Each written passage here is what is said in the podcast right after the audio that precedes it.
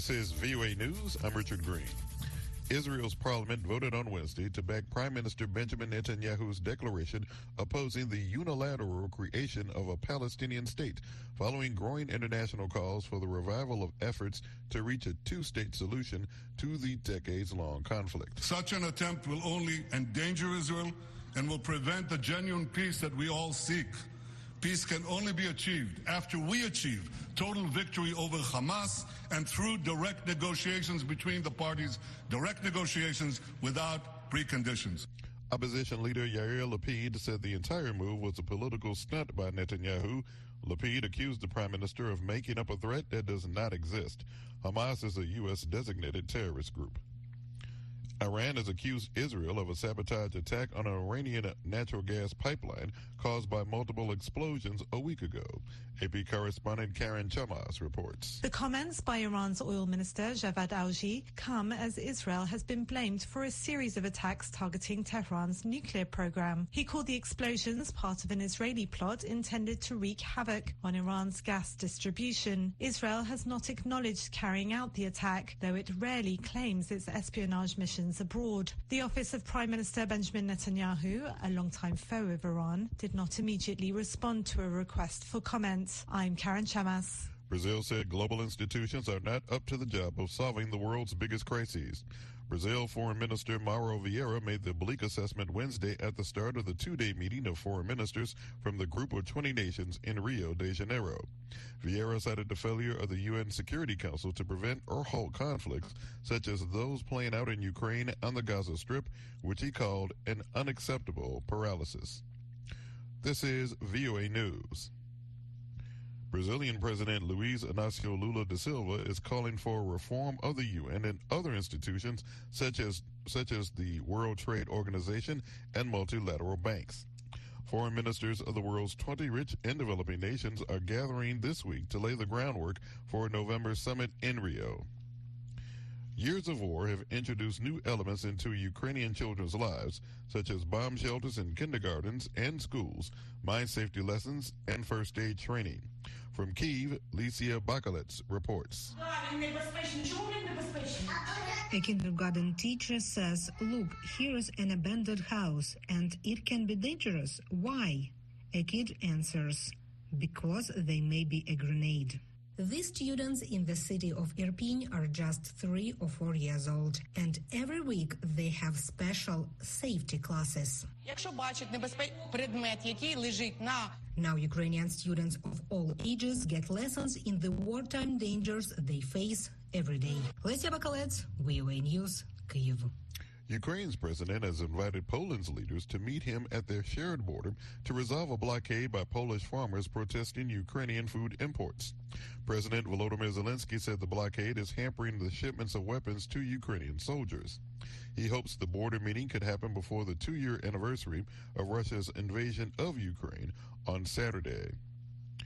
The brother of U.S. President Joe Biden was on Capitol Hill Wednesday for a private interview as part of the impeachment inquiry into the president. AP correspondent Sagar Meghani reports. Mr. Biden, what do you make of the investigation, Mr. Biden? It's one of several interviews GOP lawmakers have done in trying to build momentum for an impeachment process that stalled in recent months. Even some Republicans have criticized a lack of evidence directly tying the president to his family's alleged efforts to leverage the Biden name into corporate paydays. The probe was undercut again last week when an FBI informant who claimed there was a bribery scheme involving the president, Hunter Biden, and a Ukrainian energy firm was charged with making up the story, which was central to the GOP investigation. Sagar Meghani, Washington. WikiLeaks founder Julian Assange will not find out until next month at the earliest whether he can appeal extradition to the United States on spying charges. Two British High Court judges said Wednesday they will take time to consider their verdict. It came after a two day hearing in which Assange's lawyers argued he risked a flagrant denial of justice if he is sent to the U.S. to face espionage charges. Find more on this story and all the stories we're covering at voanews.com. I'm Richard Green for VOA News.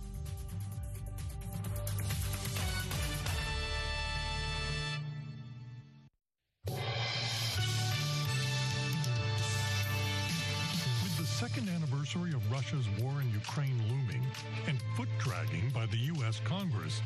Is Russian President Vladimir Putin becoming bolder? The war, these assassinations, all the other things going on in Russia are just a function of his personal desires. The G20 meeting starts with a rebuke of the UN.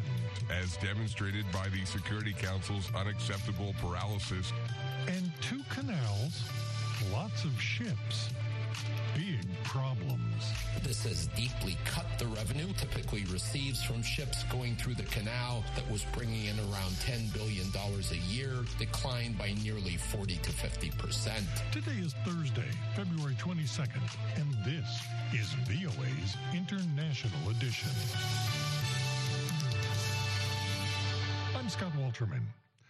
On Saturday, Ukraine marks the second anniversary of the Russian invasion.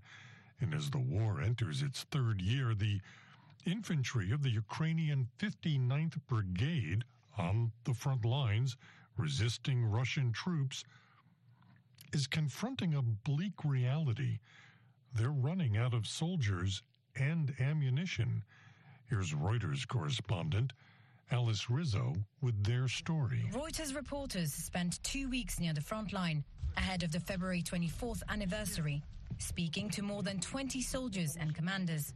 While still motivated to fight the Russian invaders, they describe the challenges of holding off a larger and better supplied enemy.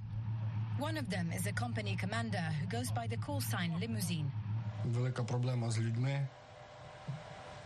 We have a big problem with manpower. We simply lack men. People have lost the enthusiasm which they had at the beginning of the full scale invasion. We need big reinforcements. Many people here are tired.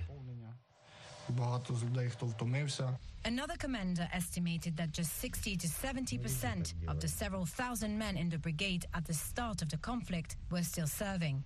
The rest had been killed, wounded, or signed off. Our guys are now spending more time in the trenches and on positions. You can see yourself what the weather's like rain, snow, rain, snow. As a result, people simply get ill with flu or angina. They're out of action for some time, and there is nobody to replace them. In December, Putin ordered Russia's forces to be increased by 170,000 troops to 1.3 million. Ukrainian officials have said their armed forces number around 800,000. Artillery shells are also in short supply, with Kiev relying heavily on money and equipment from abroad to fund its war effort. If America doesn't assist Ukraine, Putin is all too likely to succeed. But with $61 billion in U.S. aid held up by political bickering in Washington, and with the EU conceding it will miss its target to supply a million shells to Ukraine, it is looking more exposed than ever. Even if the front lines have largely stagnated in the last 14 months, Moscow now controls almost a fifth of Ukrainian territory in a war that combines trench combat and high tech drones warfare. Cheap to produce, drones can surveil enemy movements and drop ordnance with pinpoint accuracy. On the Ukrainian side alone, more than 300,000 drones were ordered from producers last year and more than 100,000 sent to the front. Digital Minister Mikhailo Fedorov told Reuters. Moscow has also invested heavily into technology, allowing it to nullify Ukraine's early advantage. Limousine said Russia's widespread use of drones made it difficult for Ukrainian troops. Even to dig out a position is now a problem. Our guys start to do something, a drone sees them, and a second drone arrives to drop something onto them. Drone pilot Leleka said the high number of drones arriving at the battlefield were like taxis at the airport. Recently, we were trying to destroy a dugout, to destroy a place from which they were firing. There was a queue of drones to destroy this firing point. But Ukraine's drones did force the Russians to move valuable vehicles and weapon systems back by several miles, according to two drone pilots in different units. This drone pilot in the 24th Mechanized Brigade uses the call sign NATO. After we got good drones, in two or three months, it's now very hard to find vehicles to hit. We led very successful drone attacks, then now we have less of those. But again, this is actually a positive outcome. Both sides are now strengthening their electronic warfare systems, which can disrupt the frequencies sent from the pilot to the drone, making them miss their target or drop out of the sky. Reuters correspondent Alice Rizzo. Joining us now to talk about this is Professor Robert Ortung at the Institute for European, Russian, and Eurasian Studies at George Washington University. It seems to me, and maybe I'm wrong and you can correct me if you think I am, it seems to me that uh, Putin and his regime have become much bolder recently. There's so much. Um, the assassination in Spain, the arrest of the dual citizen uh, from LA, the arrest of a reporter charged with espionage. Um, he's pushing forward in Ukraine. Um, is it me, or is that seem to be happening?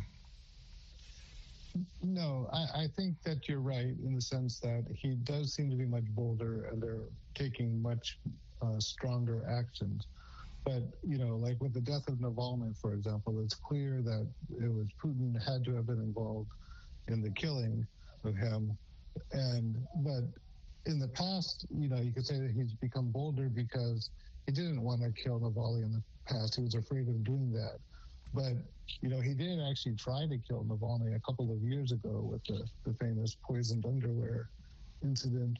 So, you know, it, it's true that he's becoming bolder, but it hasn't really changed his spots. It's still the same Putin. He's just doing much more than he, you know, that he wanted to do in the past that he's capable of doing now. You know, I was talking with someone yesterday about it, and um, like somebody said, "Oh, it's it's like a return to the Cold War," and I was like, I, I don't remember Russia assassinating like the the defector, the the Russian who flew the helicopter to Ukraine. They found his body in Spain. It's more like a mafia or drug cartel now than it was the Soviet Union in the Cold War. No. Yes, it's much much worse now because in the Soviet times you had the Politburo, which was a much more institutionalized way of ruling the Soviet Union, and you, you didn't have the same kind of personal power concentrated in one man as you do now. And so now there's not really any limits on Putin. There's no institutional checks on what he can do. If he orders a killing or some other event, that's going to happen. So the war, these assassinations, all the other things going on in Russia are just a function of his personal desires rather than any institutional system which is what we had in the Soviet times. They they put extreme sanctions on Russia when the Ukraine war started, and it doesn't seem to be working. The economy seems to be okay, not spectacular, but they're surviving. They're, we're expecting more sanctions this week from the White House, but is that viable? I mean, is is it going to do anything? Well, yes. I mean, the, the, the, real question is what does it mean for sanctions to be working? And so, you know, we need, we use sanctions when we don't want to go to war directly. They're a way of signaling that we're unhappy. So we're not going to take military means directly against Russia. We're going to impose economic penalties. And so I think in that sense, in the, in the sense of signaling unhappiness from the West, that's important all the efforts to block flights out of Russia, to kick them off of the SWIFT banking system. All these things are really having an impact. And, you know, Russia's had to change from being integrated in the Western system to now being much more dependent on China. So, you know, it, it hasn't stopped Russia from fighting in Ukraine. That's true. But it has put severe penalties on Russia and really reorganized the way the Russian state and the Russian economy is functioning. So we need to, when we say that sanctions are or are not working, we need to be very specific in, you know, what aspect of the economy or in their behavior we're talking about. How far do you think he can squeeze his own population? Is there a breaking point? Well, it doesn't seem like we're anywhere near the breaking point if there is one. I think people now are so afraid of doing anything, and the ones who would stand up to him ordinarily have left the country. So I don't really see any opportunities for some kind of mass revolt or even mass protest. Um, only in an extreme incident if there was some kind of huge natural disaster and the Russian state wasn't able to respond, something like that. But you know, barring some some very unforeseen event, I don't really see much change. You know, we've seen leaders in Venezuela, North Korea, they can really drive the economy into the ground without provoking any kind of social response. And that's probably what we're going to have in Russia. Professor Robert Ortung at the Institute for European, Russian, and Eurasian Studies at George Washington University.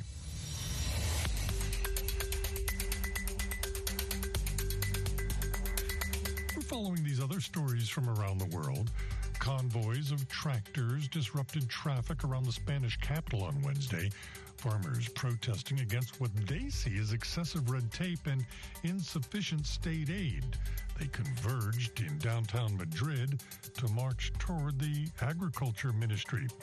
Farmers have been protesting for weeks across Europe, including in Poland, Greece, and the Czech Republic.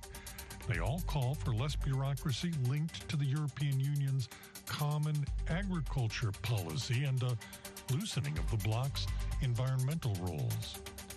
U.S. Representative Mike Gallagher, who chairs the House of Representatives Select Committee on China, arrived in Taiwan on Thursday with a delegation of other lawmakers and will meet with senior Taiwanese leaders former nuns who said they were subjected to sexual, psychological, or spiritual abuse by a famous priest urged Pope Francis on Wednesday to allow an independent investigation, saying the Catholic Church had put up a rubber wall blocking the truth.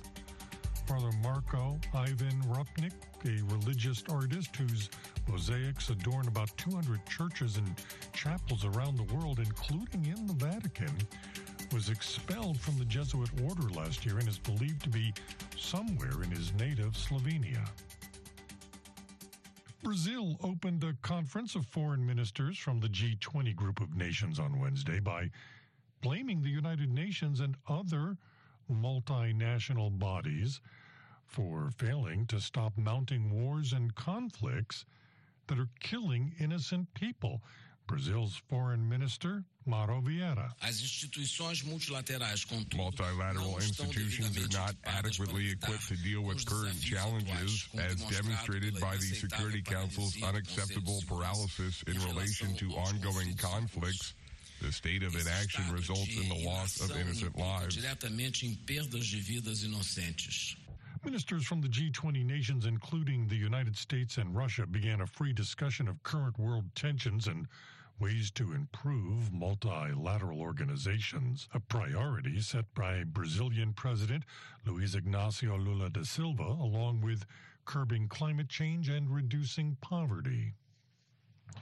Israel's parliament voted on Wednesday to back Prime Minister Benjamin Netanyahu's declaration opposing the unilateral creation of a Palestinian state, following growing international calls for the revival of efforts to reach a two state solution to the decades long conflict. The people of Israel and their elected representatives are united today as never before.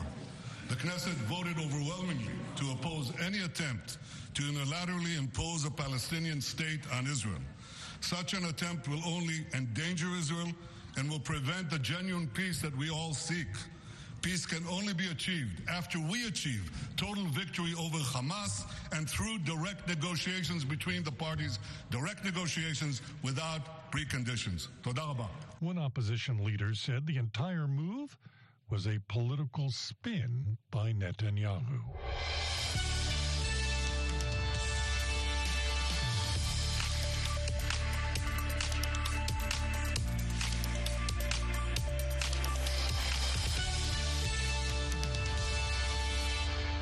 VOA's International Edition continues. I'm Scott Walterman.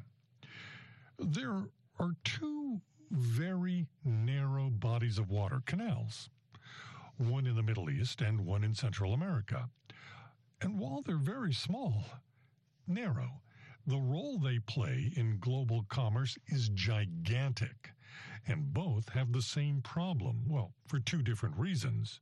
The number of ships that travel through them has been cut way down, and that has made the things people all over the world buy more expensive.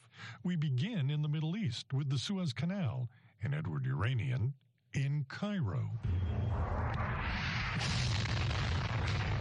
The Greek flagged grain ship Sea Champion was slightly damaged Wednesday by two ballistic missiles fired by the northern Yemen based Houthi group, which says it is attacking Western ships in solidarity with Hamas militants fighting Israel.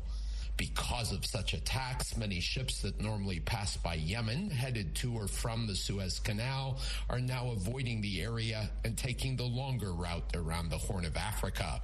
This has deeply cut the revenue Egypt typically receives from ships going through the canal, according to Egyptian President Abdel Fattah al-Sisi. He says that Egypt was affected by the COVID 19 virus for two years, hitting the Egyptian economy in a big way. Then the Russia Ukraine conflict added to the economic issues, and now along most all of Egypt's borders with Libya, Sudan, and now Gaza, it is getting pressured. Now, El Sisi says Egypt is witnessing revenue from this vital waterway that was bringing in around $10 billion a year, declined by nearly 40 to 50 percent.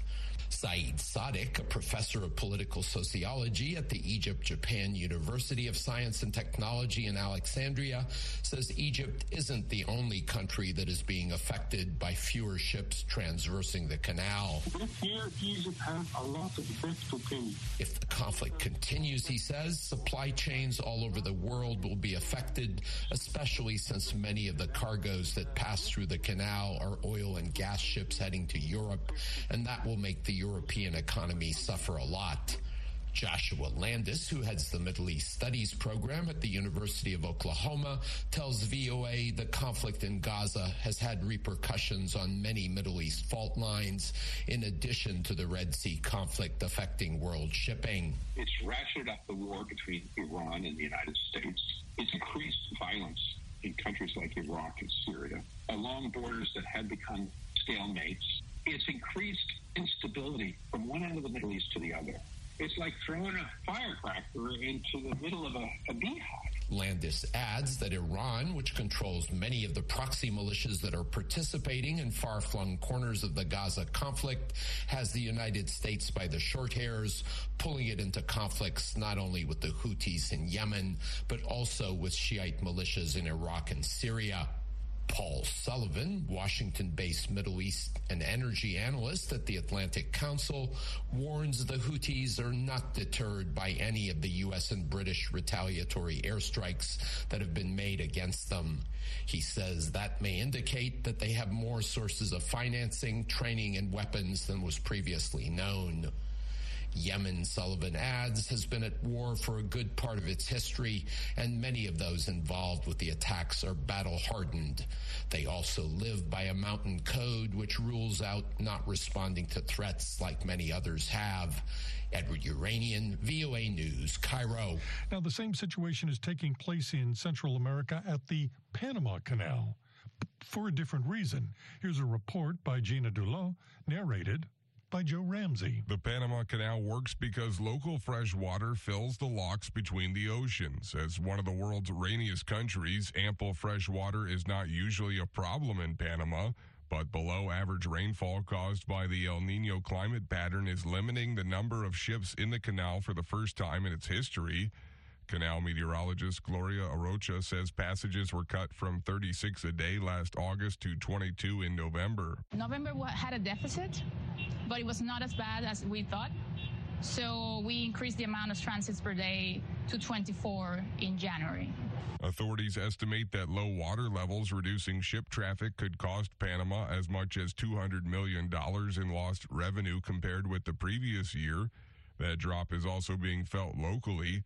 Ray Sanchez owns a scuba shop on the Caribbean coast. He says business is down at least 50%. Out here, I have any, almost any traffic uh, from the cruise ships, for example, that they stop.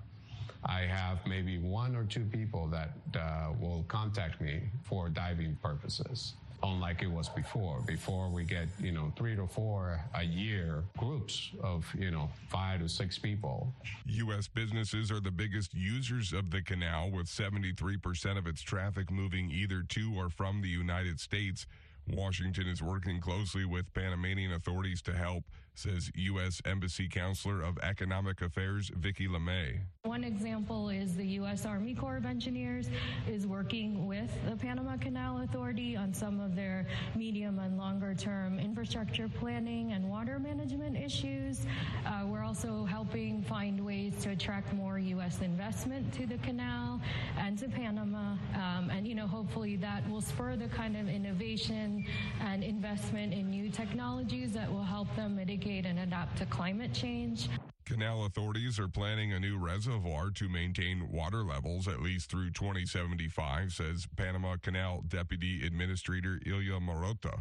We'll definitely continue looking at other options, other alternatives of saving water and so forth because you know we, we got to remain a vital route for forever.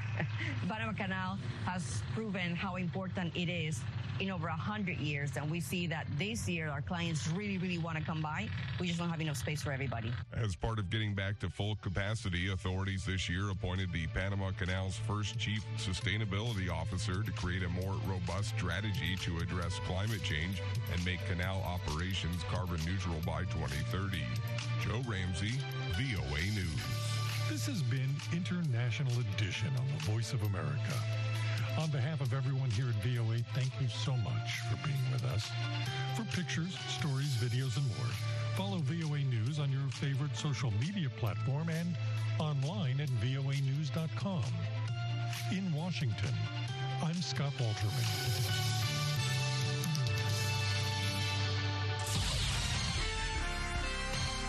Next, an editorial reflecting the views of the United States government. On his recent visit to Albania, Secretary of State Antony Blinken lauded the stronger than ever partnership between the United States and Albania. He noted in particular that Albania has been from day one a strong supporter of Ukraine. It was one of the first countries to send military aid to Ukraine in the wake of the Russian aggression guns, ammunition, mine resistant vehicles, and is currently one of the top 10 per capita uh, in terms of its support for Ukraine and security assistance. During its 15 year membership in NATO, Albania has made significant contributions to the alliance, said Secretary Blinken. Albanian troops are helping to keep the peace in Kosovo to deter Russian aggression on NATO's eastern flank. Next month, Albania will inaugurate a NATO airbase in Kucheva. The United States and Albania are also growing their bilateral security partnership, said Secretary Blinken. Albanians and Americans have fought side by side from Afghanistan to Iraq. Albanian pilots fly American made Blackhawks. U.S. Special Forces are training their Albanian counterparts and helping to keep watch in the Balkans. In the wake of the recent Iranian cyber attacks targeting Albanian critical infrastructure, the United States has supported Albania's cyber defenses, helping to train experts, to upgrade equipment, to improve technology so that they're more resilient to future attacks.